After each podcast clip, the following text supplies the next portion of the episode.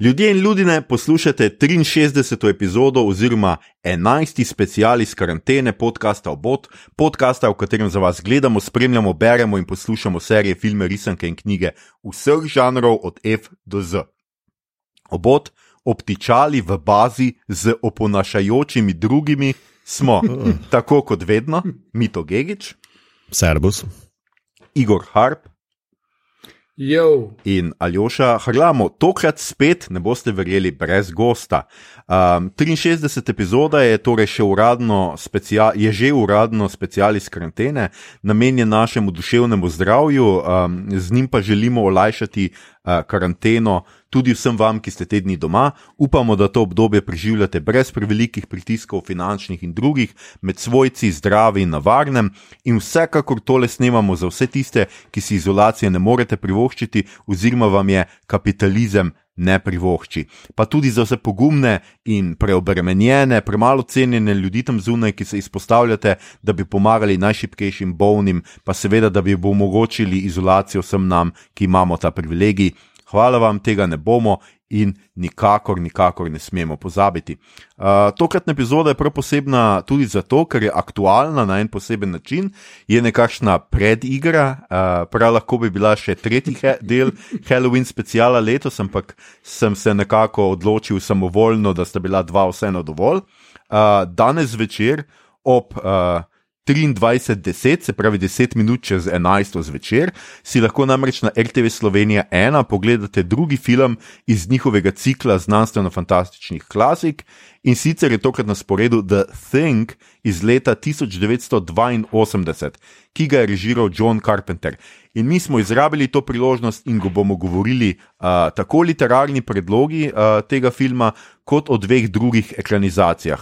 Uh, film ste nam pomagali izbrati na družabnih omrežjih vi, zato se vsem še enkrat zahvaljujemo za sodelovanje. Skratka, če filma še niste gledali, potem za vas velja standardno pozorilo, epizoda bo vsebovala kvarnike. Najlažje se jim izognete tako, da si zvečer pogledate film in epizodo poslušate po njem, v soboto zjutraj ali pa čez vikend. Če ste film že gledali in ker je klasika, je to kar verjetno, pa poslušajte epizodo, mi pa se potrudimo, da vam film tako prikupimo, da boste ostali po konci in ga zvečer pogledali še enkrat. Maestro, zaigraj nam iz vesolja. La!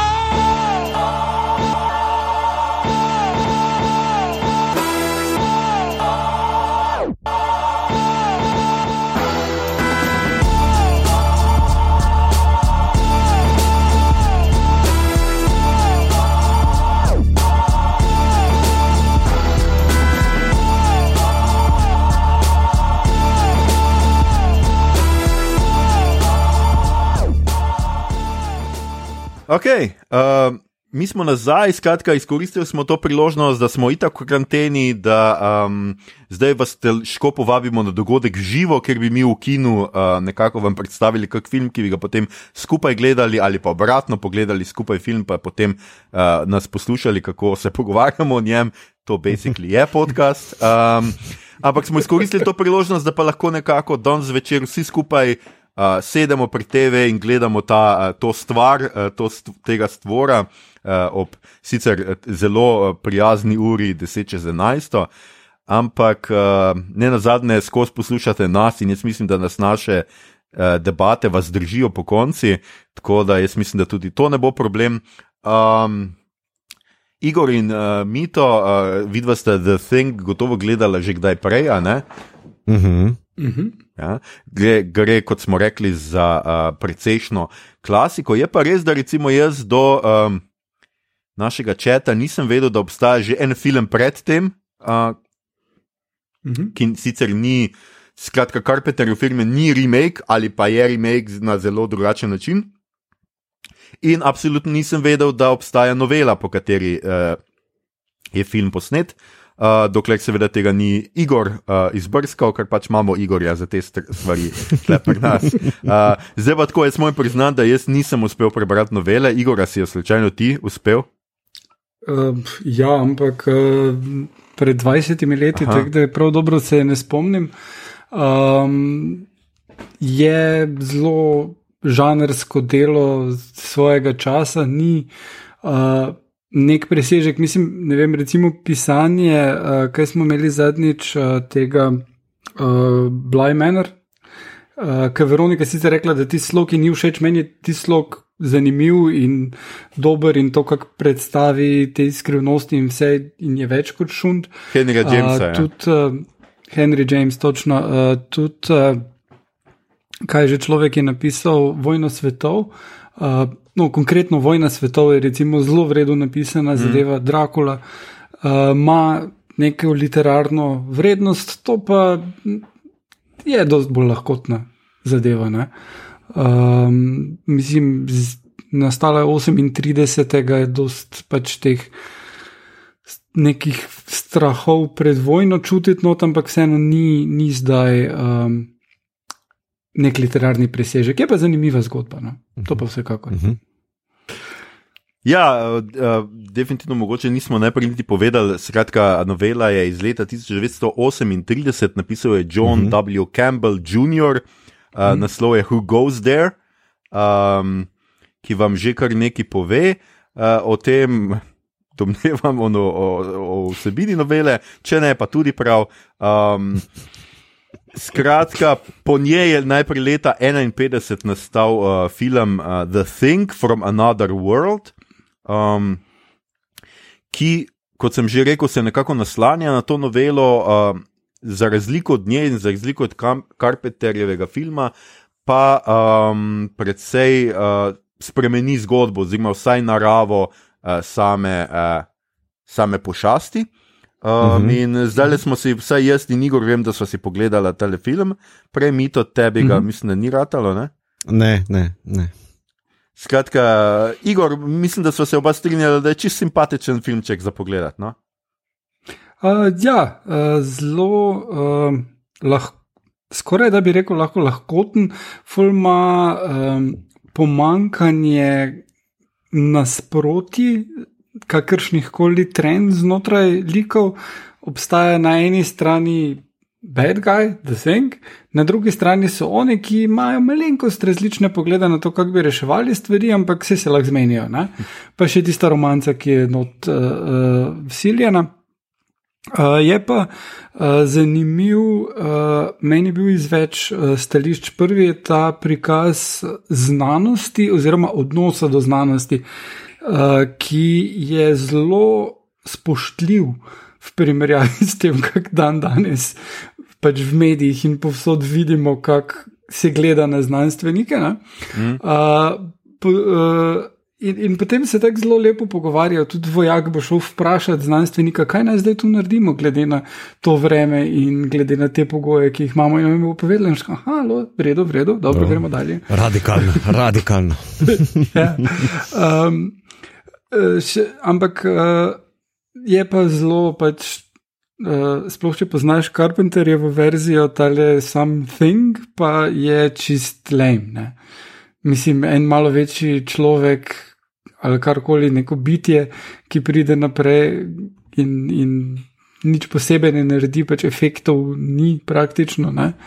In ni prav za res strašljiv. Tako da v bistvu je zgodba o tem, kako so ti eni vojaki in znanstveniki, in on novinar in ona ženska še zraven, in kako se oni pravzaprav imajo fajn in držijo skupaj in jim rata. Premagati to nekaj, kar je čist nedefiniranega, ampak obvesli uh, gre za strah pred komunizmom. In to se bolj tudi najbolj vidi v čist končni sceni, ki je identična uh, sceni, mislim, identična, zelo podobna končni sceni ta prve invazije teh body snatcherjev, uh -huh. tatovov teles, uh, ki uh, se prav tako konča s tem, da oni zmagajo. Uh, ampak rečejo, pazi, povsod so prišli, bojo po vas, ne? In bojte se tega. Ne? In v bistvu tukaj uh, ponazarja strah pred komunizmom. Ne?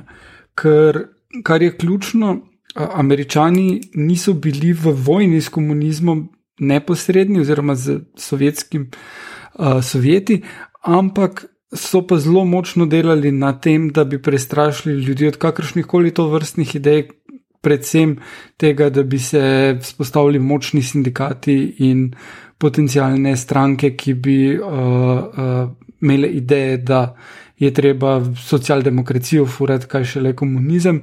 Tako da ti filmi so bili zelo uh, propaganda tega ameriškega kapitalizma in dan danes. Uh, Se pa to kar zgubi. Sodobni gledalec tega ne more prav zares zaznati, ker pač se družbeno okolje toliko spremenilo. Mm. No, je pa mislim, da druga plat te zgodbe je seveda strah pred atomsko vojno oziroma pred atomsko bombo, strah pred tem, da bi znanost uh, ponovno pač, kako bi človek rekel, raziskovala neko stvar, šla predaleč uh, v nekem raziskovanju, ker tu pač imamo, takoj se vzpostavi ta nek um, nasprotje med znanstveniki in vojaki, ker vojaki bi pač uničili to pošast, znanstveniki pa bi jo preučevali, celo uh, vzgajajo nove, uh, nove rožice, ker pač ta pošast je. Mm -hmm. Pač raste v rožicah, no, kako ne rečem, pač pušča svoje. Rastlina je. Ja, rastlina je, basically je rastlina, kot rečejo, super korenček. Uh, je neka ja, vrsta. Ima podtaknjence. Tako, uh, super zloben korenček, ki potrebuje kri za to, da preživi, in izsesaj živih biti kri za to, da preživi, skratka, na pol nek uh, vampir in tako. Uh, in jaz mislim, da danes, če nič drugega, lahko temu dodamo še eno plast uh, filma, ki je strah pred veganstvom. Strah pred. strah pred tem. Ja, zakaj? Strah pred tem, Ampak, da bi prišli če... zlobni lju, korenčki ljudje in pač. Um, In se sali ja, kri. Pro, začel prodajati sojo, ali kaj. Jezus. Skratka, malo se hecam. Uh, film je, iz, kot sem rekel. A, ja? a si hotel kaj dodati mi to? Ne, nimam kaj na to. Skratka, film je iz leta 1951, to sem že omenil, režirala naj bi ga kar dva, Christian Najbi in Howard Hawks, nekako sta se. Ni čisto jasno, komu pripisati uh, v resnici ta, ta film. Je pa mogoče zanimiv tudi z tega vidika, da vseeno jaz moram pohvaliti, recimo, um, mi to je to nekje v četu omenil, da ne bi šlo za prvo kako že pri teh posebnih efektih mi to boš ti um, povedal. Mislim, v enem uh, eseju, sem, video eseju na YouTubu, sem v, v, uh, videl opasko, da pač bi naj to bil prvi full body burn uh, posnet na film. Uh, skratka, ta pošast, ki udre noter v postojanko, so, so kaskaderja polil s kerozinom. In um, to posnel, pa uh, mislim, da ne vem, kje je scena, ker pač nisem gledal, pač odleti ven v arktični mm, mrak. Ja. ja, zdaj pa kar je posebnost tega, torej prvič uprizorjeno, to drugo pa da Eh, eh, ti, ki so ga zažigali, niso bili kaskaderji, ampak igralci. Ne? Tudi ko on udriha po ta pošast, ki udriha po nekim, nekem otroc, eh, modrocu, ne? je za njemu igralka, ki je v mhm. filmu. Tudi tako, da bi to bilo vse full, full nevarno in tega mislim, da Hollywood danes ne bi kar tako skozi spustil. No? To so bili čist drugi standardi, po mojem. Uh, ja, uh, no, se, mislim, uh, kar se tega, zdaj ko si rekel, arktični mraz, se spomnim, da je meni naj, najbolj motlo, v bistvu oni vsi tako, joj, kako je mrzlo, ne, ne moreš iti ven v tej lederjakni. Uh mhm. -huh. Dajmo si en tanek plašč prek ja. ja, ja. Pa, pa, ma, mogoče ima tu pa tam kdo kapo, pa noben ima obraza zakritega. Ja. No, se tudi te barake zgledajo zelo pač. ja, ja. Uh, no pač brcneš vanjo, pa že prebiješ steno. Tako da jaz ne vem, koliko jih je to v resnici zaščitilo. Ampak definitivno se mi pa zdi pomembna ta stvar, no, da je ta film uh, odprl ali pa neke možnosti v specialnih efektih. Kaj ti, če pridemo zdaj le kar na Carpenterjev The Thing, tudi to imamo, um, seveda, uh, tudi tukaj. Zdaj pa uh, mogoče. Um, Zdaj, ki pri prvem se nismo tako ustavljali, pri tem pa vseeno, uh, Igor, mogoče če povemo eno kratko obnovo oziroma zasnovo uh, celega filma, kaj je The Thing, o čem uh, se torej gre.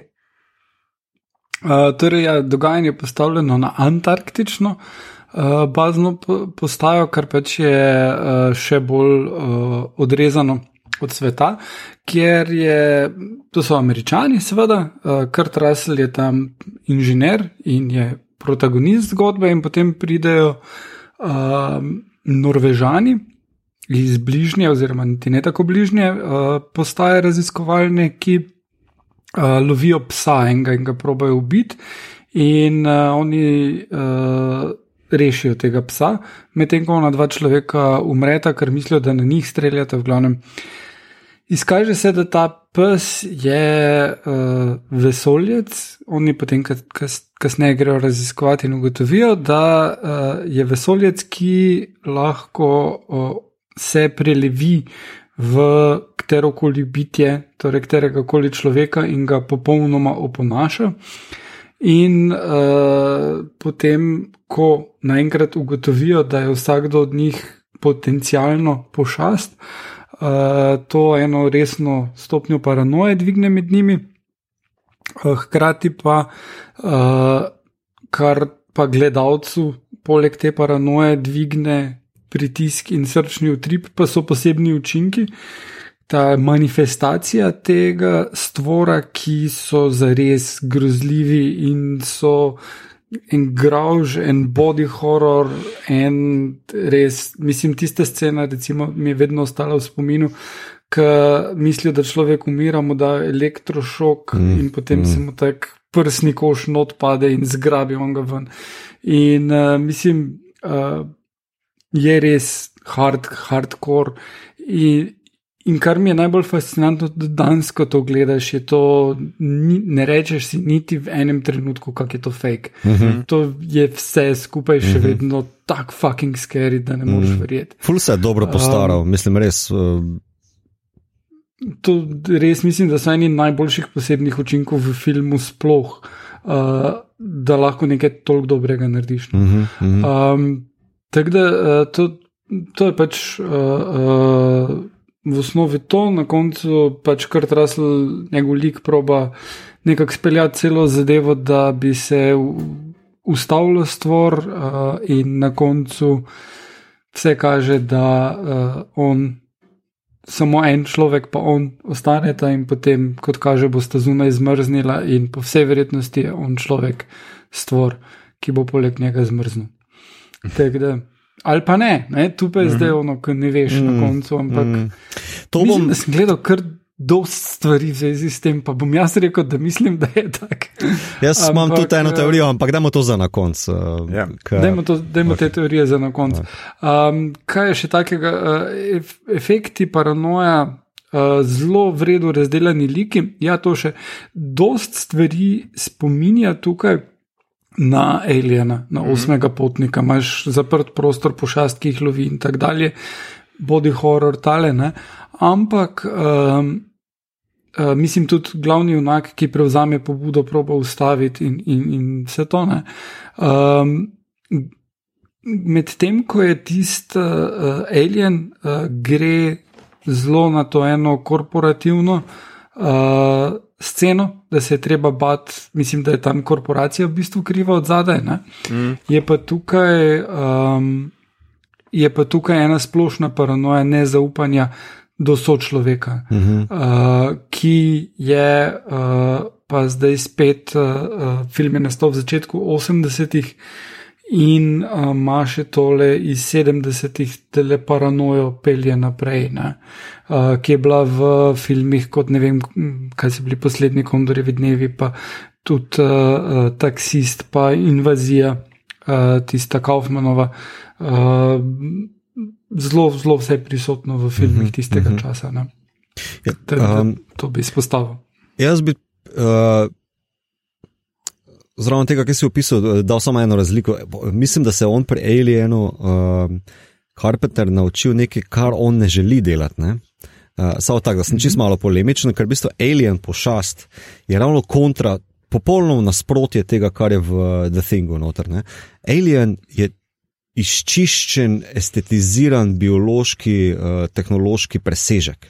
Čiste linije, gigarjeva uh, estetika je top shit. Ne? Tukaj medtem ko pa tale stvar, tukaj je pa.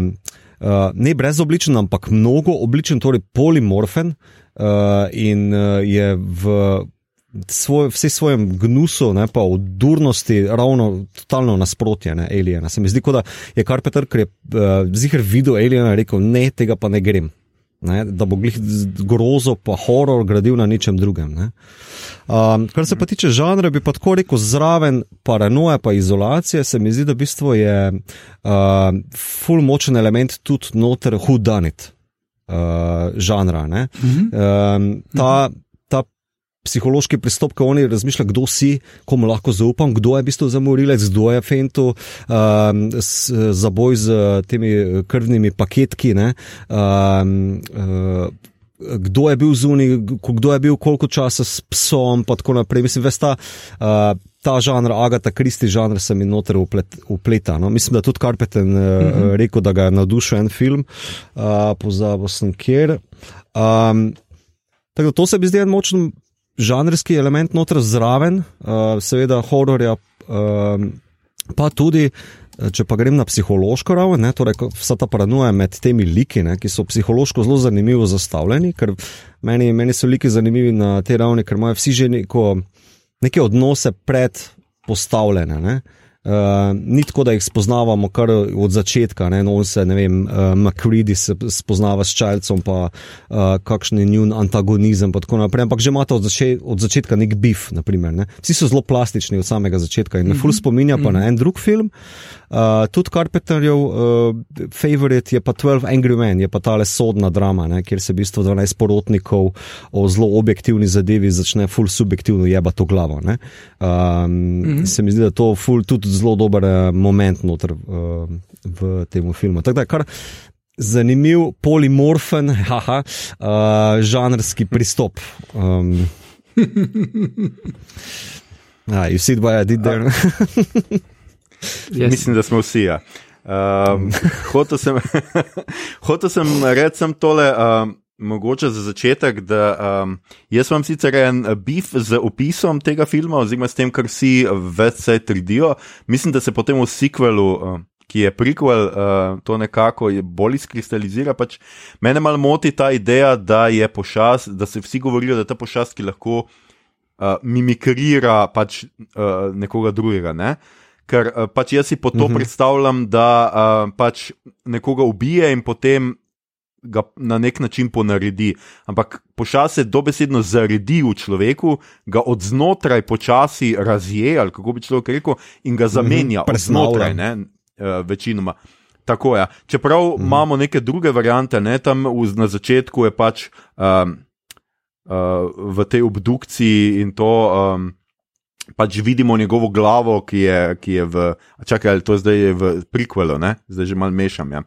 Zdi se mi pač zelo uh, zanimivo. Uh, eno, posebej eno vprašanje, na katero nikoli ne dobimo pravega odgovora, namreč to, ali se ljudje zavedajo, da so uh, the thing, se pravi, da so stvar ali ne. ne? Jaz mislim, da. Um, Neki indici, pač glede na to, kako se obnaša, in to, in uh, pač domnevam, da pomeni, da večinoma ne vejo. Ne? Jaz mislim, uh mhm. -huh. da je to še v prikvelu, o katerem bomo pol uh, na koncu še male, mogoče kaj malega povedali, še toliko bolj izrazito, ampak se mi zdi, da se že v tem originalnem pač Carpeterjem fil filmu to kaže, zaradi česar se je pač tudi prikvel potem navezal na to, mhm. -huh. da mi pač ne vemo ali. Uh, Skratka, ali ta človek ve, da on je, pač, da ni vse v redu z njim, in ne na zadnje, jaz mislim, da iz tega izvira še neka dodatna tragika, uh, ali pa neka dodatna groza, ne? ker ne mm -hmm. samo, da, um, da mi več čas tuhtamo.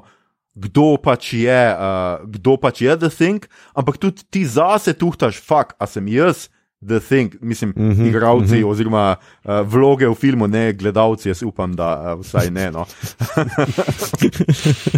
um, ja, tule, uh, v tem pa je ena uh, jasna ločnica z invazijo. Uh, body snatcherjev, uh mhm. -huh. kjer je preklop nenaden. Ne? Uh mhm. -huh. On zaspi kot človek in se zbudi kot uh, alien. Ne? Hkrati pa je uh, ta le thing nastal skoraj, mislim, da eno leto na razen od uh, Blade Runnerja, kjer je pa to vprašanje, ali sem jaz človek ali ne. Uh, Tudi zelo ključno. Mhm. V resnici, v, v, v resnici ste imeli premiero na isti dan. Blade Runner in The Things sta yeah. Ja. prišla ven na isti dan. Ker dejansko wow. um, zaradi če, tega namreč mnogi kritiki oziroma mnogi filmski zgodovinari pripisujejo, da naj bi um, tudi zaradi tega, seveda, film imel zelo. Uh, slab, slab obisk in zelo slab izkupiček. Ja, vidiš, Zdaj, zanimivo. Jaz sem pa drugo stvar slišal, ker uh, dva tedna pred obema filmoma je pa prišel Iti, e ki pa je malo bolj pozitivna ja. slika Elijana. ja, v resnici je tako, v resnici je pač tako, da. da um, Pač gre za več dejavnikov, ampak eden od teh je, da leta 82 je bilo očitno izredno bogato leto za science fiction. Ne? In za mi uh, pač... no, sej, se mi to ti si, znanstvena fantastika, to ja, je vprašanje. Slišiš, rekel je stvor, ja, jaz sem ti. Ne, jaz mislim, da je rekel, da sem stvor, ok, zdaj si vdahnil. Pravzaprav se težko odločim med tem, ali si stvor, ali, ali, ali replikant, ali iti. Jaz sem, jaz sem polimorfen. um, skratka, hotel sem reči, da mogoče zdaj uh, tudi kakšno besedo uh, rečemo o tem. Ja, pač film je mhm. šel blazno uh, bogati sezoni, poleg tega, da je šel polet in da je seveda imel oznako, mislim, da uh, eno najhujših pač teh filmskih oznak, se pravi, da se ga ni dalo gledati, če nisi bil nad 16. Uh, mhm. in, uh, pripeljal vsaj še treh ljudi zraven. Skratka, um, veliko stvari ovirajo film, ampak po drugi strani pa moramo pač vendarle omeniti, da je film v začetku dobil zelo, zelo slabe kritike. Uh mhm. -huh. In da med drugim, kar so pač filmu učitali, poleg um, mračnosti in vsega, so bili ravno specialni efekti, ki pa je ugrabijo film in uh, ga odzamejo pač vzamejo pozornost uh, um, igri in vsem ostalemu. Ne? S tem se kategorično ne strinjam. Res. Ne, samo, uh, mogoče pa je to stvar tega, da smo mi pač produkt drugega časa, že zdaj. Ker recimo uh, pri Avatarju, ki je tudi zdaj že kar uh, star film, smo mm. rekli, da ja, okay, so pa vsaj efekti. Ja. efekti pa vzamejo v zgodbi, recimo, kaj je bek ali pa igre. Jaz mislim, da. Dobro, mogoče zdaj je um, Captain Hindsight varianta, da uh, vemo, kako Carpenter snema, pa na kaj on rad da poudarek, je, mislim, da res na zgodbo, um, kljub uh, žanrskim pristopom in tako naprej. Ampak, če pa se prav tega filma lotim, ne, je pa vse tako minimalno uporabljeno, ne, tudi te Eh, specialni efekti, ne? ampak eh, na mestu, pa kontekstualizirano, pa uh, nujni za zgodbo. Nič ni pretiranega v tem, ja, sami efekti so, so čista dio, še danes držijo, ampak niso pa non-stop, niso over the board. In, uh, tako da s tem, se, s tem se res ne morem strinjati. No? Veš, tudi, uh, glasba Enijo Morikoneja. Ti imaš tam vele mojstra za uh, tipkami, ki bi ga lahko skozi, celotnih, uh, skozi celoten runtime filma spustil samo zato, da se pohvališ, le Morikoneja imam na svojem filmu. Ampak tudi njega, to glasbo, to podlago uporabi uh, mestoma, pa uh, pravilno, ravno takrat, ko ga mora. Ne? Mislim, tudi tišina je orang pomembna. Tako da mislim, Karpeter je zelo dobro vedel, kaj počne. Uh, pa Ja, ja, ne vem, kaj rečem še drugega. Mislim, da ta kritika ni, uh, že takrat, mislim, da je neupravičena bila, no? kaj šele danes. Ja, gotovo je to res. Zanimivo je, da je pač film uh, potem. Uh, To je mogoče tudi za današnjo dobo kar uh, zanimiv podatek. Seveda, film je potem kultnega naredil, se naredile videokasete, video izposoja. Mm -hmm. Ljudje so nenadoma mm -hmm. pač uh, ugotovili, da je to super film. Uh, to ne na zadnje živimo v času, ko jaz mislim, da se bo nam kmalo začelo morda dogajati, da bojo filmi v kinih tudi popolni flopi, pa bo potem na streaming servisih, se pravi na pritočnikih, ratali hiti. Jaz mislim, da uh, tudi marsikateremu filmu se zdaj to tudi dogaja in če mogoče Netflix ali pa ti pritočniki ne bi tako zelo skrivali, mm. recimo podatkov, bi bilo to še bolj jasno. Mm, mm. Um, sem pa vaj hotel. Vprašaj, če mogoče. Ja, predno vprašaš. Imam samo eno teorijo, še kaj si veha, jaz glih umenil, ker imam eno teorijo, kako so v bistvu določeni filmi ala uh, The Thing toliko bolj uspešni ratal, je zaradi samega medija, na katerem so potem popos, po, postali popularni. Ker če si malo bolj pozoren, pa vizualno senzibilen, ne, je uh, ta stvor, The Thing, um, zelo previdno posnet. Svetloba je zelo uh, precizna, da se guma ne preveč vi, pa da se potem sence, ki jih ta stvor meče po prostoru, uh, da poudarjajo to grozo, ali pa je luč postavljena direktno za njemu, zato da je vse še toliko bolj temno, uh, da je film malo bolj temačen, kot pa bi lahko bil. Ne? Zdaj pa, kot že sam po sebi v kinih je to čist dovolj. Zdaj pa, ko ti preneseš določ, ta določen pristop, ne, to produkcijo na VHS, ki ima full nizko rezolucijo, ker vse zrnato v tri pizne materne, tudi na onih televizijah, ne iz 80-ih, je ta efekt še bolj poudarjen. Še manj vidiš, še bolj temno je, še vse skupaj je še bolj zapacano in v bistvu še bolj poudarja koncept, izvedbo, še bolj. In mm -hmm. mislim, da zdaj to eno meni se zdi, da je to eden od teh plusov, zakaj je postal še toliko bolj popularen. Uh -huh. Uh -huh. No, to se sliši kar uh, logično. Ja, ja. Zdaj pa pač moje vprašanje bi pa bilo, vendarle, ker, smo, ker si mi to tudi omenil, IT-ja, kjer je pač uh mhm. -huh. res. Bil čas, kjer so bile pač vesoljčki očitno dobrodušni in prijazni in so vse, kar so hoteli iti domov, ne? čeprav tudi The Thing uh, hoče iti, uh, mislim, da domov, vsaj v uh, uh, naslednjem filmu, spet Aha. ne v, ne v Carpenterjevem. Ampak um, zdi se mi pa zelo zanimivo, se vam je zdelo, da bi lahko bil odklonilna, odklonilna kritikov in gledalcev, ne na zadnje prvih, tudi zaradi uh, mračnosti filma. Ne, ne na zadnje, zdaj Igor je že omenjal konec, konec je pač. Uh, Vprašljivo je, kaj se v resnici zgodi. Uh -huh. uh, definitivno pa ni optimističen ali pa happy ending, ne? vsaj dvoumen je, če že, če že drugo ne. Mm -hmm. In to pač uh, omogoča obe perspektivi. Hkrati pa imamo tukaj. Um, Samo totalno moško družbo, ne? to je, mislim, da tudi uh, uh, nismo še omenili, da je to film, ki ima popoln uh, moški cast. Uh, neko mm -hmm. žensko, mislim, da vidimo, uh, je čisto na začetku, pa glas, ženski glas posodi uh, računalniku, ki ga um, mm -hmm. Kurt Russell igra na začetku šah z njim.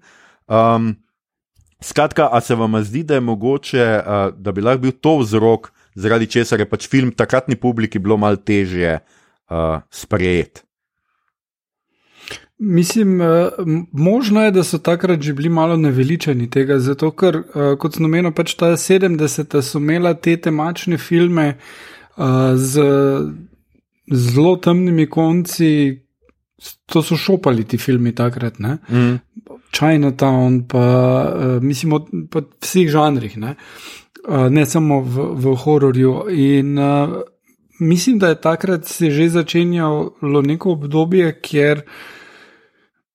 Mislim, z kritiškega stališča mislim, da to jim ni bil morda glavni problem, ampak gledalcem pa sploh poleg ki imaš na voljo IT-ja, mm. uh, da, da jim to ni tako ful dogajalo. Mm. Uh, in hkrati tudi mislim, da je nekaj bolj uh, in, intimnega na doživetju tega filma na VHS-u potem. Ne?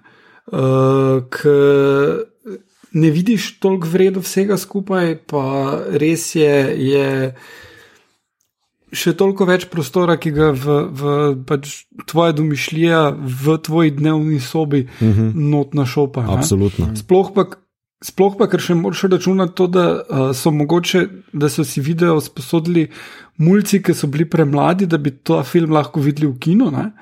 Uh, da pa ta film gledaš, ko si, mislim, se tudi jaz sem ga, ne vem, če sem bil že v srednji šoli, te pa še toliko bolj na psi, mm, mm. ki ga gledaš gledati sam doma, ne pa starši. Ne?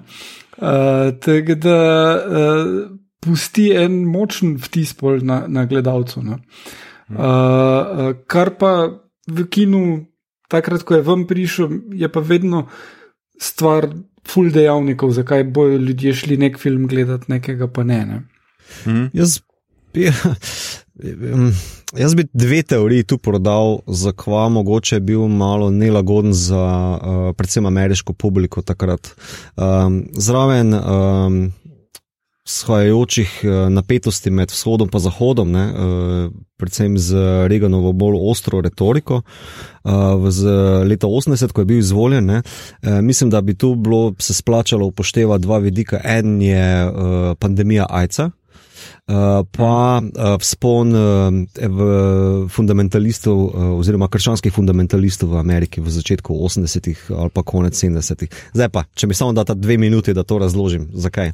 Torej, AIDS ja. pandemija ne, uh, je bila. Tako kot je danes za nas, čist nekaj novega bilo, noben ni razumel, kaj se dogaja, virus je bil nepoznan in nas so zgolj opozarjali, v bistvu, obrobje družbe, torej uh, ali uh, narkomani, uh, ali pa gej skupnost. Ne? In uh, to je v bistvu za tist, tisti čas Ameriko, sploh se niso želeli niti o tem pogovarjati, pa še posebej je bil problem, ker niso vedeli, kako se to uh, širi. Kako se v bistvu prenaša ta virus. In mislim, da je en ta določen strah, ki je bil v družbi prisoten in ga ta film tudi odraža, s tem, ko se ta polimorfna uh, stvar seli iz enega v drugega, noben ne ve, komu lahko se zaupa, uh, vse prisotna paranoja nad uh, dogajanjem, da je to res nelagodje povzročalo pri uh, ali kritikih ali pa gledalcih. Mm. To, to je ena teorija. Uh, tudi če seveda, smem skočiti, ja. tudi tista scena s krvjo je seveda mm -hmm. zelo, uh, zelo zanimiva, ne? ker pač. Uh, namiguje, to je zelo simbolično močno, mm -hmm. namiguje lahko na AIDS, ne, mm -hmm. na to mhm. epidemijo. Oprosti, ker ste prekinili. Ne, ne, uh, čist, mislim, da tu malo more elementov, da bi lahko naredil res dober case, da se tako izrazim, glik za to teorijo, da pač je to nekak komentar, kako se ameriška družba odziva na pandemijo AIDS-a oziroma virusa. Je, zaradi tega tudi mislim, da ta film danes uh, kar fucking aktualen. No? Um, glik po tem, kako se v bistvu naša družba tudi odziva na trenutno pandemijo, ki jo imamo na eni paranoično, z strahom, drugi z solidarnostjo, kot v prvem filmu, ne? ker to, to je ena glavnih razlik z prvim filmom, kot sem zaznal. Ne? Leta 51 so mhm. vsi skupaj, oni kekci sodelovali, medtem ko tukaj pa gli toliko, da se ne zakoljajo, oziroma se itak. Um, ja. Uh, tako da, ja, se splača, če greš film gledati, mogoče to imeti v glavi, ne, kao, ne? enkrat tako le, drugič pa mogoče na ta način, ne? da v bistvu uh, spon fundament, totalnega krščanstva z eh, izvolitvijo Reagana, uh, kot ga lahko vidite tudi delno ilustriranega v odlični seriji uh, Miss America. Uh, um, uh, če stvor gledaš na način, kot ga Žižek skušal, skuša opisati na, preko Lakana, da je to. Uh, Libidinalna, uh, spolna sila, osvobojena svojega originalnega nosilca, torej fuk, seks, pa gon po preživetju, da je to res življenje, osvobojeno uda in da če jemliš to na skozi oči nekega spolno zatrte družbe. Ali pa vse družbe, ki skušajo zatirati to, ali gej uh, logiko, ali pa nasplošno spolno z abstinenco. Pol imaš pa pred sabo 12 tipov, ki jim ni, nimajo blage, kaj se dogaja, so izolirani, pa po moje z libidom v 3PM, da je to še toliko bolj grozno gledati, ne? če probaš na ta mm. način razmišljati. Um, pa še ta pošastik s temi lovkami konstantno ja, penetrira. Prebada, penetrira, točno to je. uh, mislim, tak je. Mogoče bo bonček za razmisliti. Je pa to en esej od um, Žižka, ga lahko prepopam, če se komu da to brati, meni je to guš, zdaj ne vem, če vam. Um, devet, na devetih A4 stranih je skušal opisati torej Lakanov pogled na. Uh, ne drugega, ampak na tujega, torej na nekaj usiljivega. Ne? Uh, mm. In mhm. to razloži kot uh, libidinalna death drive sila. No? Um, zanimivo branje. Gon, gon po smrti je to. Ja. Ja, ja. Um, ja, jaz sem hotel mogoče na tem mestu povedati, da um, tudi Carpentera je bilo ful, zelo strah, ko je um, naredil ta film. Najprej ga malo ga je bilo strah zaradi specialnih efektov, ker. Um, ni vedel, kako bodo gledalci pač to sprejeli, po drugi strani pa se mu je zdelo, da je precej pesimističen film. In se je pač tudi uh, tuhtal, posneli so za vsak primer, uh, so posneli tudi alternativni konec, v katerem pač uh, krta rasla sprejmejo, uh, on uh, skratka preživi, uh, pobere ga helikopter, zapeljajo ga v nek laboratorij, pogledajo mu kri in ugotovijo, da je čist. Aha, Ampak okay. potem sta, sta, sta se skupaj s, kartor, uh, s krtom odros, odločila, da pač to ni v duhu filma in da je to posem beden konec. In um, skratka, med enim tem dvomi, ki so ga. Um, Pač uh, obletavali, mu je pa uh, pač sodelavec na filmu Todd Ramsey uh, ga spodbujal, da naj ustraja v svoj viziji, viziji in mu je rekel: um, You have to embrace the darkness. that's where this movie is. In the darkness. Skratka, uh, Lovely. tudi tam so se zelo dobro zavedali, kakšen, uh, film, uh, kakšen film delajo. Uh, mislim, da smo že dosto omenili specialne efekte. Jaz moram tudi reči, da, da to je nekaj uh, najboljšega v tem filmu, kako uh, meni je posebej un prizor. Um, Ki si ga bom večno zapomnil, mislim, od prvega gledanja, ko una glava dobi uh, noge, tisti mi je pač. Uh, Uh -huh, uh -huh. Ja. Oh ja, tisti ja. Mi je pač. Um, Jaz, jaz mislim, da ta prizor, ta prizor ful dobro dela, ker mislim, da zelo dobro pokaže najprej torej, ta gnus notranjega telesa, pol pa kridijo slash, torej uh, krt raslo v lik, ki ga zažge, ampak vseeno polna glava preživi in zvizne ven in ti ta cel prizor ti da videti, fuck, to je ful močno, ta stvor se ne da kar tako nekako šibro, uh, pospraviti pa tako naprej. V bistvu je zelo močna zadeva, res je. Um, ja, meni osebno je pa najbolj hardcore prizor, uh, da prvič, ko vidimo pošast, ki se razvija iz psa, ko napade druge pse v, Uh. v kako se temu reče, koruzjaki. Pesjaku. Pesjako, hvala. Pesjako je, koruzija. Meni zgleda kot koruzjak. No. Ker, Na Antarktiki pa koruza. ja, no. Et, mo- Mora imeti svoj chicken McNuggets ali kaj se ne vem. Um, no. uh, Stilo smo se včeraj, ko smo ga še enkrat pogledali, uh, smo se prav tako pogovarjali, ti nam je dobro omenila, um, to je nje, njena ideja, ne moja, da redko vidiš takšno nasilje nad človekom najboljšim prijateljem. Ne? Uh, imaš full filmov ne, z psom, kot eh, vem, pajdašom, pa ok, v John Wicku ga nasrka, pa ne vem, še kakšen film bi lahko naštel, ampak takšna groza, takšno nasilje, ki se pa tle izvede, pa mislim, da je res hardcore, pa po vrhu tudi na mestu. Ker kako pokazati to tujost z specialnimi efekti še malo bolj hardcore, kot pa da greš takoj ubiti človekovega najboljšega prijatelja. Da prav poveš, jaz nisem človek, jaz sem res neki X. Ne? Se mi zdi na simbolni ravni to Ali pa- super. Ne? Uh, Ja, ali pa jaz sem ruski mafic, če se vrnemo k Johnu Wicku. ja. Nisem človek. oh. um, sorry, prijatelji iz Rusije, ampak ok. Slejko prej se nekako vedno vrnemo k Johnu Wicku in uh, Keanu Reevesu. Um, ja, jaz moram reči, da sem bil precej fasciniran pač nad tem, kako jim je uspelo. V zadju vsega tega je večinoma stal, kako je že Rob Botten, Uh -huh. uh, ki je zelo znan po uh, Robocopu, Total Recallu. Uh -huh. uh, tudi v Seven je potem delal. Mi je bilo pa zanimivo, ker je Igor prej omenil ta prizor, um, ki skratka skušajo uživiti uh, uživit, uh, unga in potem mu roke predrejo prstni koš. Uh -huh. Tega so celo naredili tako. Uh, da so poiskali nekega človeka, ki je izgubil obe roki v neki tovarniški nesreči, ja. in je potem ta eh, človek, pač, snemali so njegove roke, imel je pač prostetične roke, in potem pač tisti štrcli, ki jih vidimo, so pač uh, resnični. Uh, Oh, wow. To je ena izmed stvari, ki sem jih uh, prebral v prostem času, v pripravi na ta uh, podcast. Uh, pa, pa še ena. Ja. Pa še mogoče ena zanimivost. Uh, pač dost so se tudi poigravali, Kurt Russell je celo uh, resnično metal dinamit. Uh, nad uh, tega stvora, in v enem bi se skoraj da ubil, ker so uh, pač niso računali, da bo tako močno ga razneslo, in tisti, ki ga vrže v unem prizoru Ja. ja. zaradi pač, uh, udarca eksplozije, tisti je resnično. V Ne, resnici ga je vrgel. ne, a tako res, da, ok. Uh, Wow.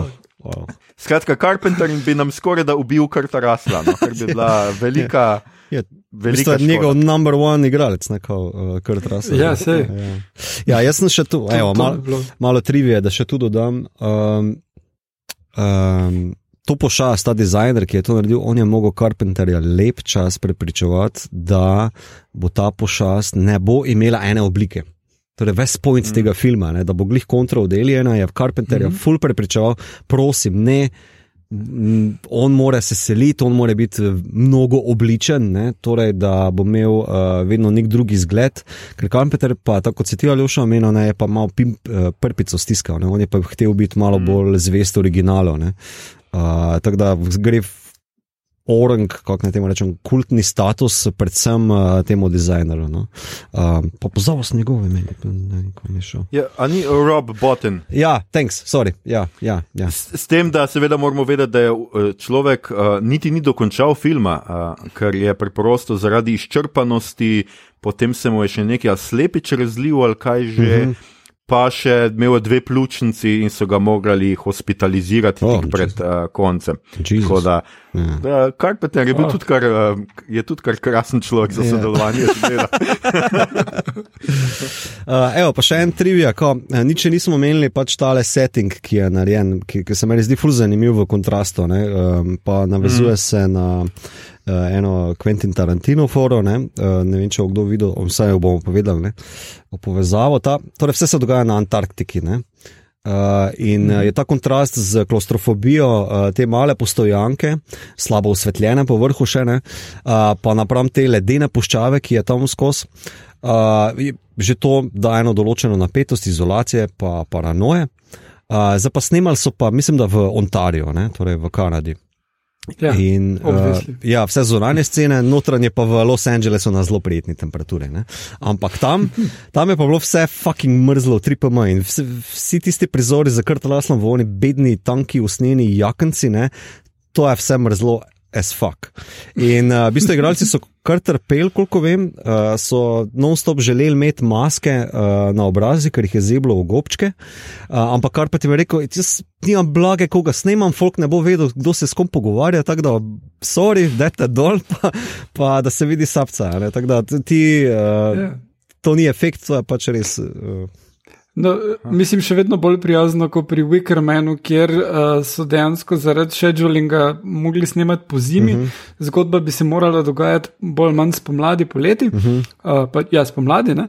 In uh -huh. uh, potem zato, da se jim ni kadilo iz ust, ko so itek bili čist podhlajeni, so si morali dati led v usta, predn so povedali svoj dialog.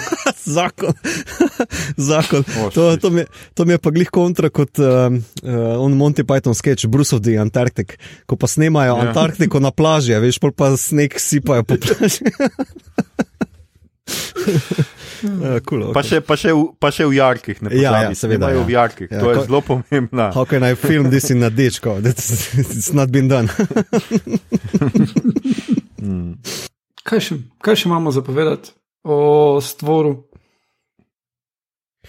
Jaz bom sebi rekel, da mogoče meni se zdi zelo zanimivo, pač ta prvi prizor, uh, kjer imamo. Um, Makridija, oziroma skratka, krta rasla, uh mhm. -huh. kako je ga šah uh mhm. -huh. z računalnikom in ga seveda računalnik premaga, ker pač je računalnik, on je pa sam krt rasel. Ali in, mogoče zato, pač, če gremo na gej teorijo, ker je ona ženska, ampak veš.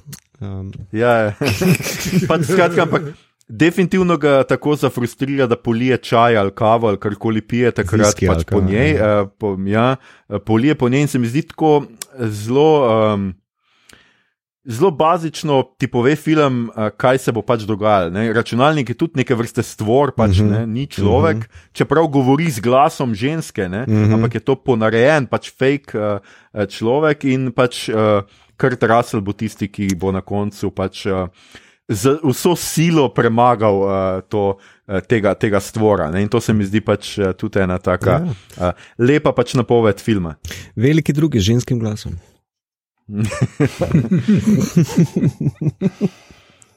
um, ker ja, v tem filmu se pač meni zdi, da res ni, ni dost melodrame, ni neke sentimentalnosti, ni nekega mm. jokcanja. Ne? Mm -hmm. pač vidijo to stvar in pač je pa ga pobiti, je treba, ne? ni, ja. ni tle neke.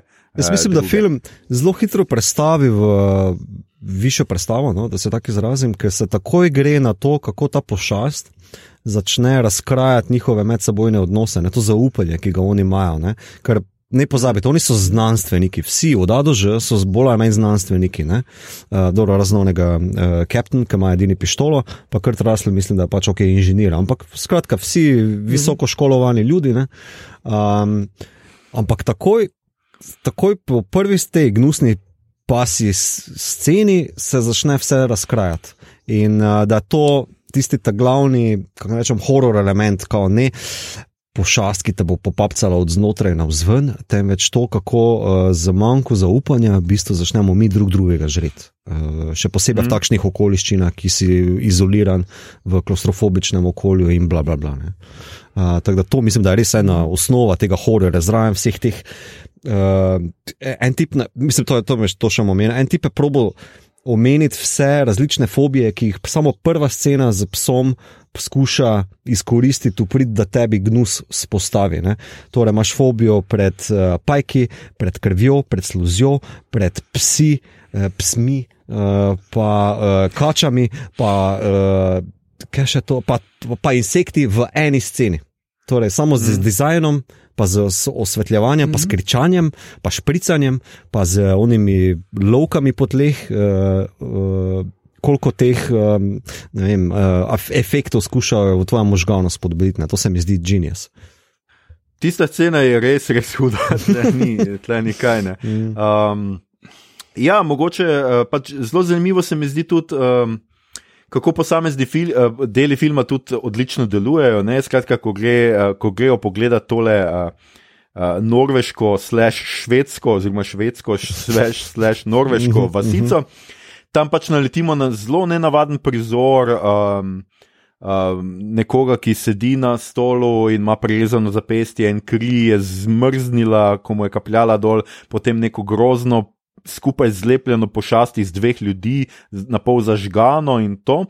In se mi zdi to briljantno v resnici, je, kar je naredil uh, sequel, če že zdaj pogledamo malo tja, uh mhm. -huh. da je namreč. Um, Skratka, ni sequel, ampak je prequel, zmer to zafrknem iz nekega razloga, pa nimamo še dobre, zakaj nimamo dobrega prevoda prequela? Ful me moti, ker moram govoriti prequel. Preddel, uh, predzgodba. Pre, a, predzgodba. Predzgodba. predzgodba predzgodba, ja, sem predzgodba za cel film, se mi zdi tako. Predzgodba je zgodba filma, uh -huh. uh, ki je pač nekaj, jaz ne vem. Se bomo mogoče še kaj izumili, ampak. Uh, Če kdo bomo zelo zanimivo. ja, uh, zelo mi je zanimivo, ker je sam ta prizor bil dovolj, da so pač posneli ta film. Uh -huh. Ker mhm. ta film, skratka, nadaljevanje, ki pa je iz leta 2011, ne, če se jaz zdaj prav uh -huh, spomnim, uh -huh. ki imamo mi naše zapiske iz 2011 je pa zgodba o teh uh, Norvežanih, skratka o tem kampu uh mhm. -huh. teh Norvežanov.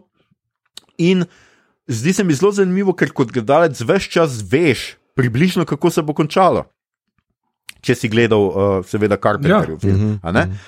In uh, v resnici, kako se mi zdi, kako iz enega prizora v, znotraj filma nastane nek povsem uh, drug film. Zdaj, tega um, iz 2011 je posnel Matiz van Heiningen.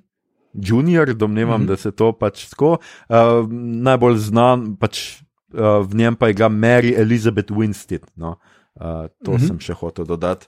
Uh, um, tako da jaz sem še pogledal tega, Igor, ti tudi. Uh, ja, pa scenarist je uh, Heiserer, ki je naredil scenarij za Arrival, uh, pa uh, še par drugih stvari, ampak mm -hmm. ja, tak, predvsem Arrival. No, skratka, če vas bo uh, Carpenterjev navdušil, jaz mislim, da lahko gledate in onega iz 51 in tega z 12, čeprav jaz bom tako rekel, ne, meni je bil ta z 12 čisto soliden in vse, ampak dejansko ne bom rekel, da karkoli doda. Bolj ali manj se mi zdi, da se ponovi zgodba iz The Thing, razen da imamo tle tole navezavo na osmega potnika oziroma Elijana še toliko močnejšo, ker je tle protagonistka, pač glavna, mhm. -huh. in da je mogoče mičkeno uh, tega pač nekega feminističnega sporočila noter, ker pač tle so seveda vsi moški proti ženski, ker je ona tista, ki vse čas ve, kaj morajo narediti, ona opozarja, da nihče ne sme iz te baze, ona je tista, ki pač skuša uh, reševati stvar, moški pa vse čas skušajo utišati. Uh, -hmm. Ampak razen tega, ja. Igor. Ne, mislim, da je uh, dejansko isto kot v Alienu prvem. Ne? Tam je tudi Ripley tista, ki noče not v bazo spustiti, pa jo drugi, uh, pač Tom Skerit, njegov lik, uh -huh. uh, potem okužene not spusti. Uh, in, in pač uh, je, je, je zelo podoben koncept. Uh, Ne, meni je bilo pač, uh, spomnim se, ko je film ven prišel, je bilo vsi tako, a res rabimo to, zakaj, bla, bla, že prednje mm. ven prišel. Ne? Je zelo negativno bil sprejet, ker pač je, je Carpenterjev film toliko cenjen. Um, in uh, zdaj, dostkrat je tako, da te neki remake ali karkoli, na, na kakršen koli način narejeno, um, imajo vse boljše efekte, tukaj niso mhm. slabši. Mislim, to je dosežek, uh, enako dobri so. Um, uh, ni pa zgodba je dejansko malo preveč podobna onemu. Hmm. In uh, je pa na koncu happy end, dodan hmm. zraven, ki hkrati naredi the thing, Carpenterjev thing, happy end tudi. Hmm. Ker v bistvu tukaj se oni pokaže, da se oni rešijo in da bojo prišli nazaj, pol, potem, ko bo ta Makridi pa uh, on to drug tam zmrznila in bodo ugotovili, kdo je think in everything's cool. No. Ampak, no. ja. No, zdaj se pojdi. Zdaj smo rabili to. Ne. Ne, jaz, bom, jaz bom celo to rekel, no, me zanima, ko bo še mito, če bo kdaj uspel to pogledati. Uh, mene v resnici. Uh, mi to odki malo zglavo za poslušalce. Pa, pa ti povem, zakaj resnici... ne, samo eno sceno sem videl in me je full odbila, ampak ok. Mm, kar, kar. Aha, kak, ne, nekatera scena pa je bila ta, kar me zanima. Um, yeah. Ja. Koliko sem bral o tem filmu, eh, nisem ga pogledal, ampak sem pa bral. Uh, da pač oni so eno od ključnih scen v uh, Carpenterju uh, obrnili na glavo, pa v bistvu nekako, kako naj temu rečem, uničili za nazaj, kaj je ta stvor v Carpenterju delal. Tare, v Carpenterju je ena močna scena, ko v bistvu Mekridi pride nazaj iz mraza, ki so ga že ostali odpisali, jih on ujame, pa prisili, da se zaveže in pol ima ta test za krvjo kjer on se greje mm. žico in potem testira krvne vzorce.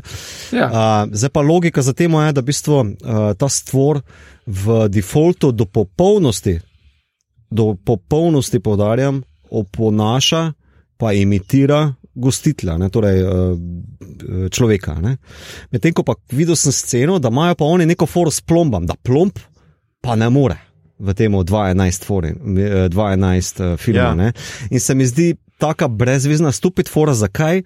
To je eno full cool, hudo zadevo, ki ti je lahko super plot, uh, uh, mehanizem ali pa misteri, da ga gradiš na njemu, ko preko ramena vržeš. In je, ko sem to prebral, je bil taki fuck off, res samo to mi je bil taki fuck off. Smo vedeli, o čem razlagam zdaj. Ne, ne, razumemo, čeprav jaz ne razumem, zakaj bi te to odbilo. Pač gre, v resnici gre samo za to, da oni najdejo drug način pač ugotavljanja, kdo bi lahko bil potencijalno stvor, da pač ni skrvjo, Sam, samo za to gre. Pač. Ja, mi... pač izkaže se, da ta stvor lahko samo organske stvari yeah. Ja. replicira, ne more pa anorganski, kar se meni zdi v resnici še kar logično. Sure, so, zdi se mi taki čip cop-out. Uh, kako bi to prevedel? Mislim. Da se izmakneš temu problemu, no, ja. veš, k, mogoče, ne vem, uh, nočem biti za preveč kritičen, ker uh, nisem gledal. Pa ajde, mogoče bom pogledal kdaj. Uh, Samo, ko sem pa prebral o tem, mi je pa bilo res ceneno. No. Uh, ne, men, mene to niti ni motilo, ker ima na koncu en zelo pač dober način, kako ona ugotovi, kdo je za, pač kaj je s tem zadnji, da je zadnji stvor. Tega ne bom spoilal, pogledajte okay. si. Uh, ampak uh, ne, jaz sem hotel sem to reči, uh mhm. -huh. mene pa zmotilo pri tem drugem filmu. Uh, ravno razlika, če jo primerjaš s Carpenterjevim filmom, ta neka čistost teh specialnih efektov, na kar smo se mi zdaj blazno navadili, ker smo pač navajeni na CGI, uh -huh. na računalnike. Uh -huh. Uh -huh. Ampak če ti primerjaš Carpenterjeve, dost bolj čutiš to grozo, uh -huh. dost bolj jo vidiš, uh -huh. ker je dost bolj telesna. Uh -huh. Tle noter je pa vse, pač vse vidiš te stvari, ampak nekako so tako čiste, tako vse vidiš da pač veš, da je pač tam, da zgleda kot igrica, mm -hmm, tako spolirano, mm -hmm. ta pošast je tako spolirana, tam je pa pač vseeno nekako, se mi zdi, dost bolj. Z nekimi malimi napakicami, zrnč, mm -hmm. zrnčasta, tako in se mi zdi, da je dosti bolj deluje, nekako, uh, dosti bolj prisotno. No. Mm -hmm. Ja, mislim, da to uh, nasploh problem CGI, ki še ni tam, da bi lahko poln, uh, uh, torej practical effects nadomestil. Uh, ker ti z gumo, pa z pravilno svetlobo lahko narediš čist soliden, uh, prepričljiv efekt. Uh, in to, naprimer, Star Wars dobro pokažejo. Uh, če gledaš samo um, uh, prikvele, ne, torej predzgodbice, uh, trilogijo, uh -huh. uh, kjer je vse digitalno, pa te ta zadnje, zapustimo zgodbo, ampak določeni efekti so praktični zopet in so boljši. Uh, mislim, bolj, bolj taktilni so, ne? ta haptičnost teh zadev mm. je pomembna. No? Uh, pa mislim, da CGI mestoma še ni tam. No? Uh, no, hvala mi tudi, da je v, v, mojo, v mojo ugotovitev vnesel besede haptičnost in taktilnost. to sem iskal. Uh, to sem iskal. Um, a, bomo, a bi še kaj morali obvezno povedati? Teorije.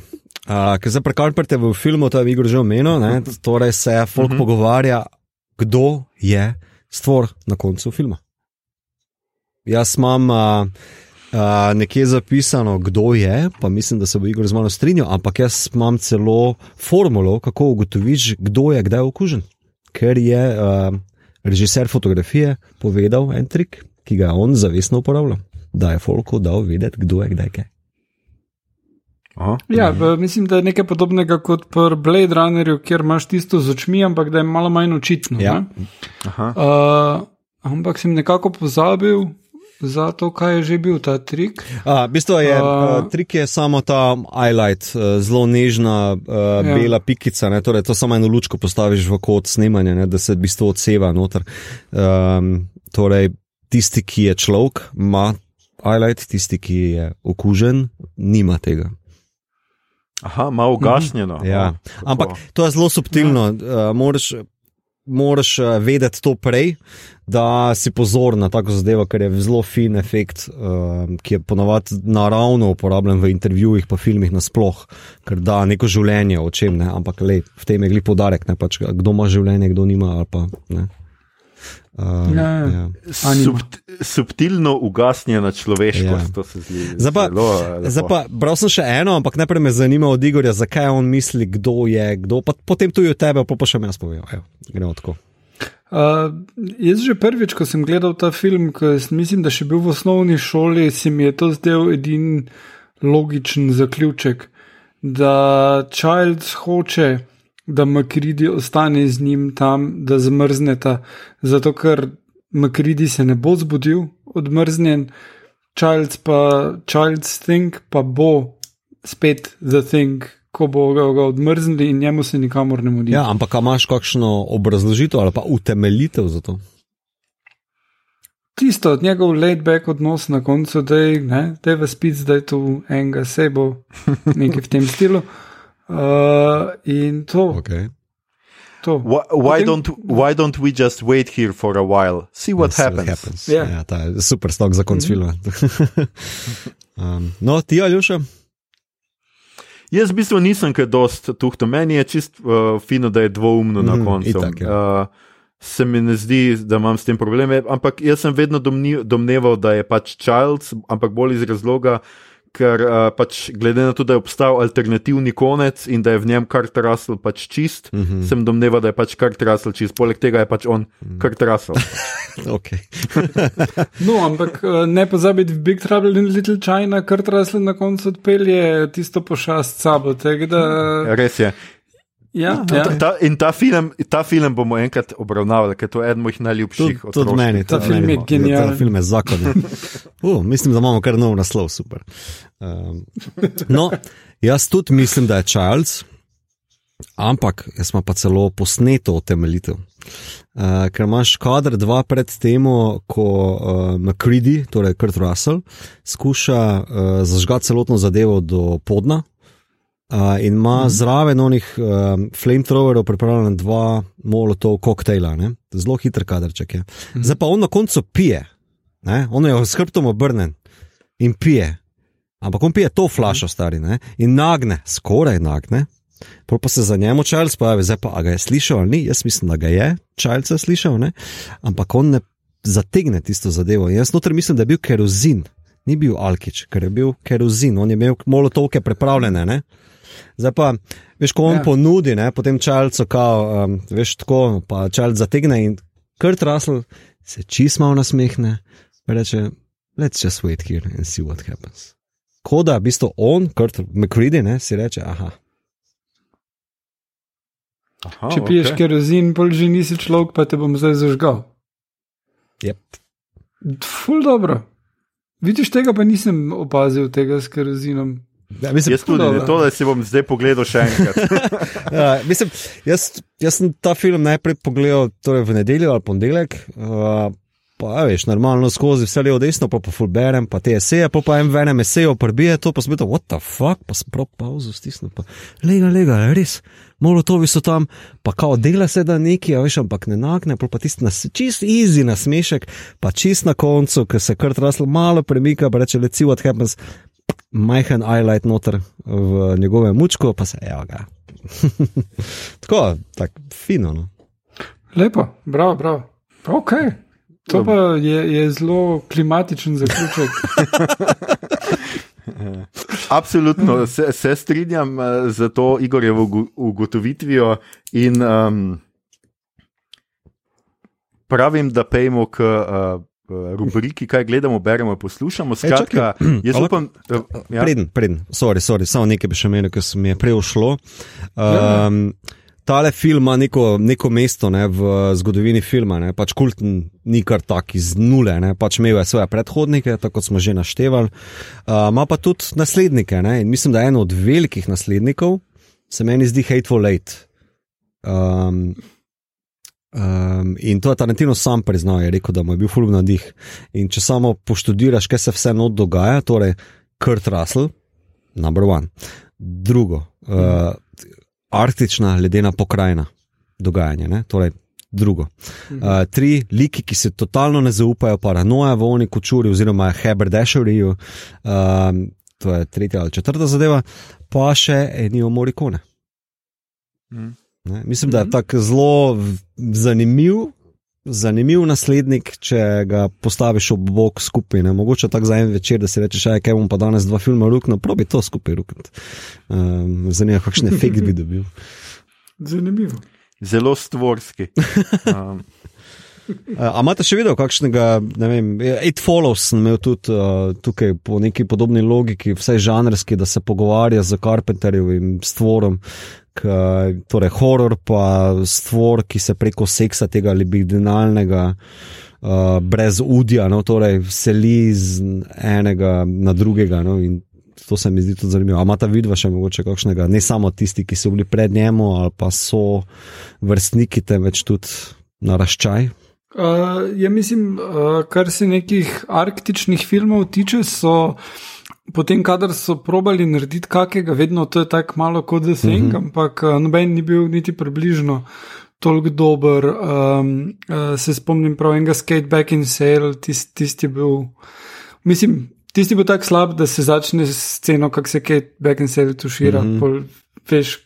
Kam bo šel film. Uh, no, ampak uh, uh, kar je pa tako enih bolj teh tem, ne, je pa uh, Reservoir Dogs tudi. Uh, ker si omenil Hateful Eight, sem se tudi takoj na tele spomnil, ker spet gre za zaprt prostor, mm. -hmm. za neke krvave mm. -hmm. stvari, ki so se zgodile že zunaj, in za mm -hmm. končni revelation z, z Mhm. izdaj, Mhm. izdajstvom. ne. Tako da uh, to vsekakor je, pa potem, kar se tega. Body horrorja tiče, vsekakor ne gre mimo večine kar, um, tega kanačana. Um, Kronberga. Kronberga, pa tudi District 9, recimo. Uh -huh. um, ima še ne te transmorfije in, Mm. mm. in, in vse te stvari, ne? preobrazbe. Tak, mislim, je far and wide ta, Mhm, ta mhm. uh, vpliv tega filma. Okay. Aljoša? Ne, jaz mislim, da ste bolj ali manj povedali vse, kar, uh, vse, kar imamo. Jaz bi zdaj res, res šel naprej. Čakaj, počasi, ker samo enega še, smo samo enega še. Konec filma X-Files, ki se kon, konča tako, kot se začne The Thing. To mi je tako zanimivo, ker mi je ful podobna scena. ker Kot da, ko da je režiser The X-Files filma. Ne? Um, nek, Ta prvega. ja, ta prvega, ja, ta prvega, edinega, ki je umembe vreden sploh. Um, pač, Ni. Ampak ni. okay. uh, pač, ko, ko da se mi zdi, da je nek homaš, no, pač uh, The Thing, a vse zadnja scena, veš, kaj je on leteči krož, mislim, ta alien ship v Ja, ja, ja, ja. arktičnem ledu in se mi zdi, kot da je to začetek Thinga. A- štekaš? Tak neki zanimiv, vse jaz vidim neko tako ne vem, meta povezavo. No. To je sicer zadnja scena tam, uh, to ni pa zadnja ce- scena filma. Tako da. Ne. Ona dva sta potem potem še v kvantiko, tako in se ja, točno. pogovarjata. točno. In, in potem se lupčknete. Ja, absolutno, da se lupčknete, Igor. a. To smo čakali takrat, mislim, da sedem ali koliko sezon, uh, uh, Ja. tudi tistega trenutka, da ne se. Um, uh, Mito, ti še, imaš, uh, ti še imaš zdaj že tradicionalni Star Trek kotiček, kaj si nam uh, pripravil tokrat? A ja, Skratka. um, v TNG je epizoda Aquiel uh, v šesti sezoni, uh, je pa pač premisa, da uh, Enterprise uh, pride do vesoljske postojanke, kjer se je zgodil umor in gre potem.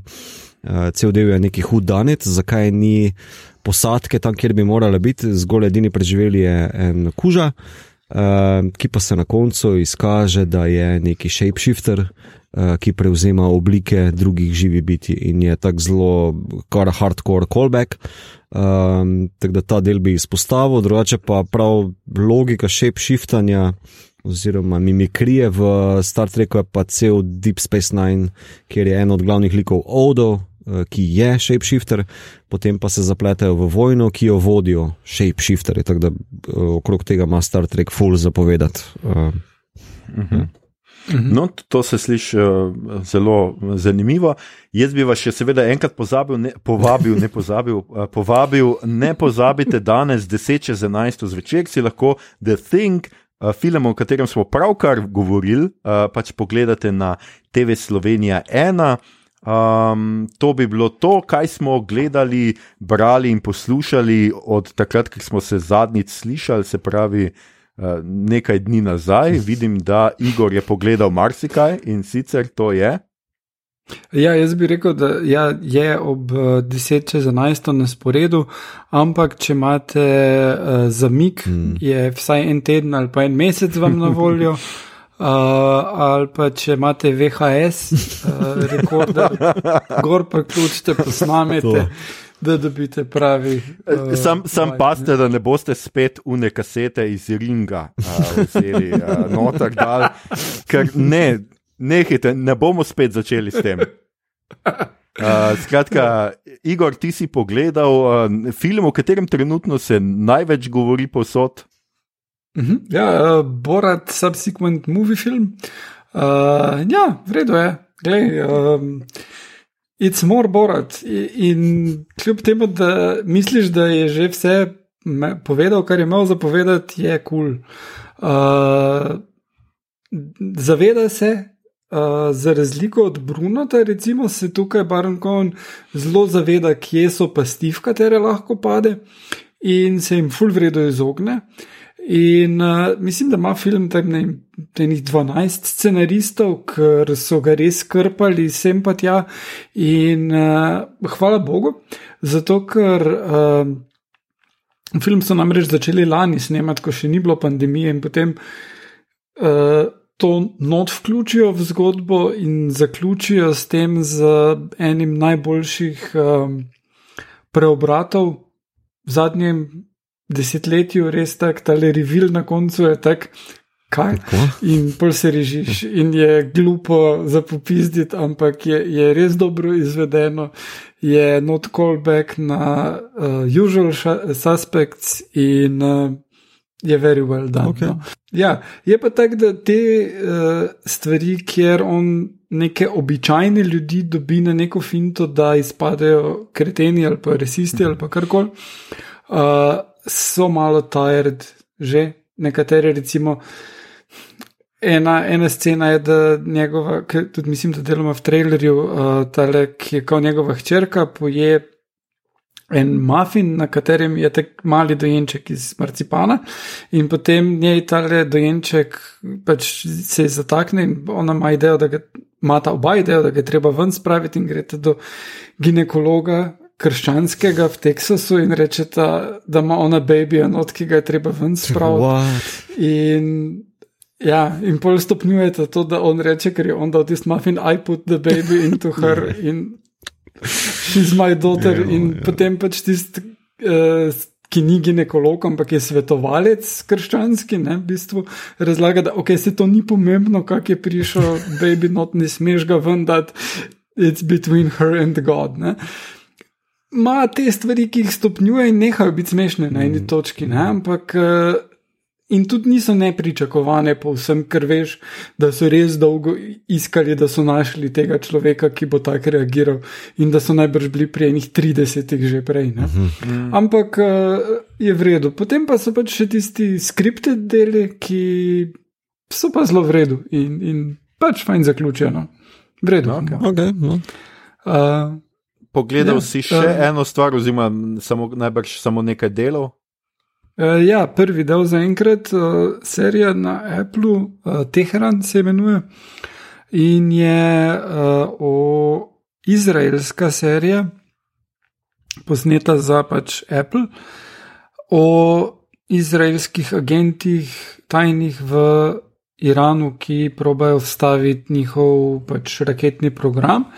In sem glede na poreklo imel mogoče malo nizka pričakovanja, da bo to zdaj Iran prikazan nekako tako kot uh, Sovjetska zveza v filmih iz 80-ih, ameriških. Uh, ampak ni, je zelo v redu, uh, zelo kompleksni liki, fajn sestavljeno, super posneto, res, res uh, spolirano. Uh, tudi te ljudi, ki so Iranci, not so zelo zanimivi. Tisti, recimo, glavni preiskovalec njihov, ki je metek, uh, spominja na enega takega jugoslovanskega old school inšpektorja. Tak, uh, v redu je, full. Uh, prvi del sem pogledal, ko me čakam, da še preostale. Uh, tako da ja. Very promising. Okay. No, čuti je res zanimivo. Ne pozabite, to je trailer za to prikolico, zato smo vam mi delili, ker vas opozarjamo na te stvari. Zato nam sledite tudi na družabnih omrežjih, če še nam ne. Uh, mi to uh -huh. tudi ti si nekaj pogledal vmes. Uh, ja, um, sinister. It's very sinister. Um, uh, jaz moram pohvaliti, uh, je kar, um, kar disturbing film. Je, no? uh, ima eno določeno atmosfero, um, pa tudi premisa, pa izvedba je zelo moderna, uh, glasba mi je izjemna, igra je odlična, Ethan Hawke je izjemen. Um, in na vkljub tem ne vem, parim klišejem, no, parim teh strahov skokov, no, uh, kot ti mi rečemo, uh, mislim, da ful dobro zdržijo, sem bil kar, uh, kar trdno, se temu reče poštarsko. Uh. Uh, je pa izi zgodba. No? Mislim, nek pisatelj skuša uh, obuditi svojo rahlo, uh, zatajajočo, ali kako se temu reče, ko sonce zahajajočo uh, kariero. Um, Da bi znova nek, uh, raziskal nek umor, uh, in se preseli v hišo, um, kjer se je ta umor zgodil, uh, pa eno deklico pogrešajo. Uh, pol pa se začnejo v bistvu po žanrski liniji, pač dogajajo čudne zadeve, in to je to, kar bom povedal, da ne spojlam. No, no, eno ključno stvar si izpustil, on se ne preseli sam, ampak svojo familijo ja, ja, v to ja, potegne. Pa, pa jim ne pove, da je to ta beta. Ja. Ja, ja to, to, to je, meni bilo najbolj. Meni je bilo to tudi, ja, cringe as fuck. Um, uh, mislim, um, kar se tiče modernih uh, hororjev, ki ne zapadajo radi preveč v te klišeje, noter, mislim, da je precej uspešen. Pa sem imel prejšnji teden kar ene parih, eh, torej Insidious, pa Conjuring, eh, ki rada hitro zdrsnete v malo slabše izvedbe. Uh, kljub temu, da ste kar ok, no, gledljiva pa to, ampak tale, tale me je pa res držal. Predvsem mislim, da je ena logika tukaj, ki mi je dala malo zamisliti, ker je en koncept, ki je blizu mojemu delu.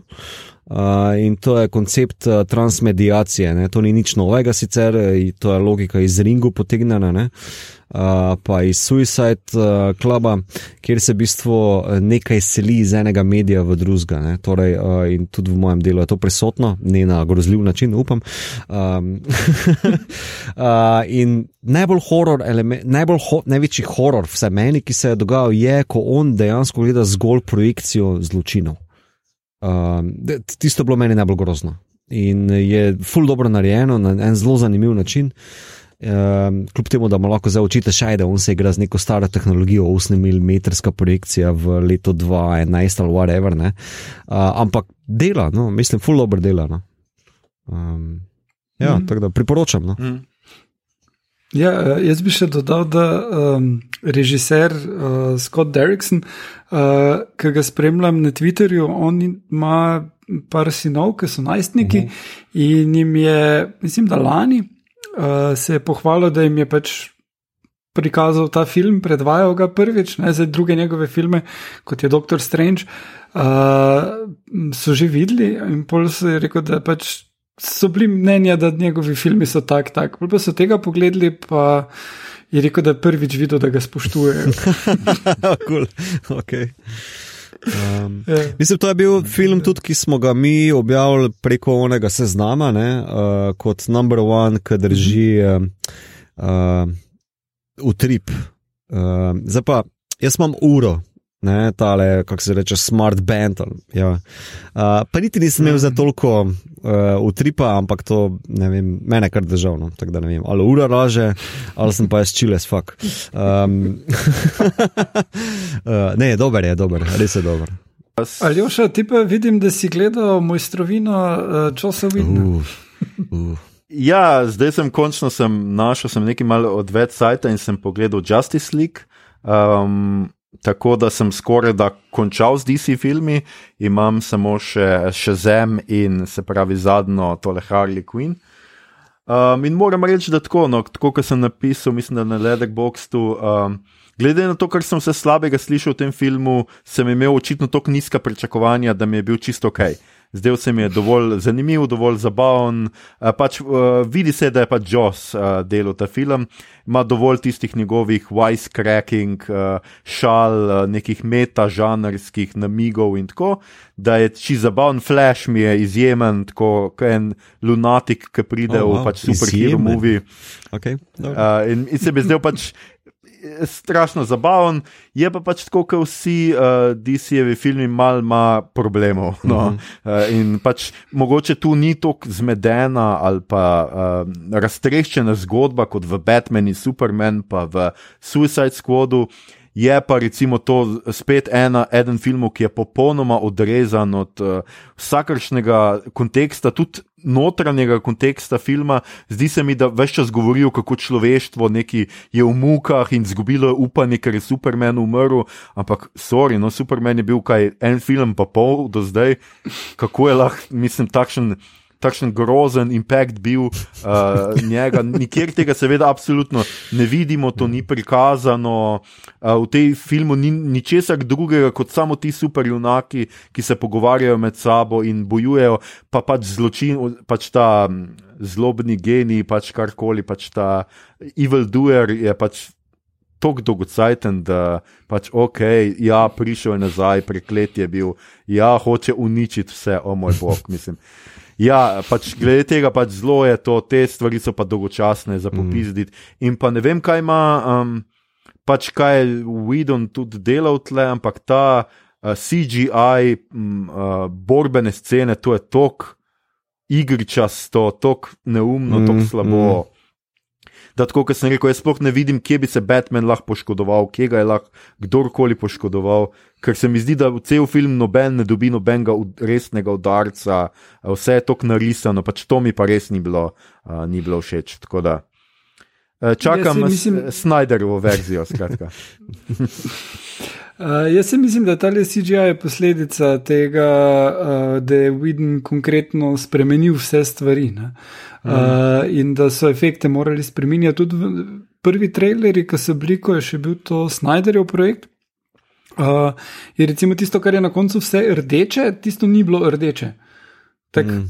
Konkretno se ti zdi, da zaznamuje tisto rdečo na koncu vse, ampak obstajala je or originalna verzija, ker to naj sploh ne bi bilo rdeče. Hmm. Tako prav weird. Pa, Jaz pa mislim, da ima Disi no. nasploh problem z um, fiz, to telesnostjo uh, svojih superjunakov, no? uh, ki ga redko prebije. Vem, v Batman v Superman je zgolovna scena meni, ko Batman toče tiste, uh, mm. tiste mi je kul, cool, vse ostalo mm. mi je bl. Uh, v celem tem Justice League je pa vse tako nahajpano, super v narekovajih, da, da je fulni pripričljivo. No? Res, In tudi v Wonder Woman sem imel ta problem, no, uh, ker ona je sicer super, pa super lik, pa levo desno samo akcije so pač čisto klasično edicijovske, brez nekega impakta, ne, veš, da bi bile.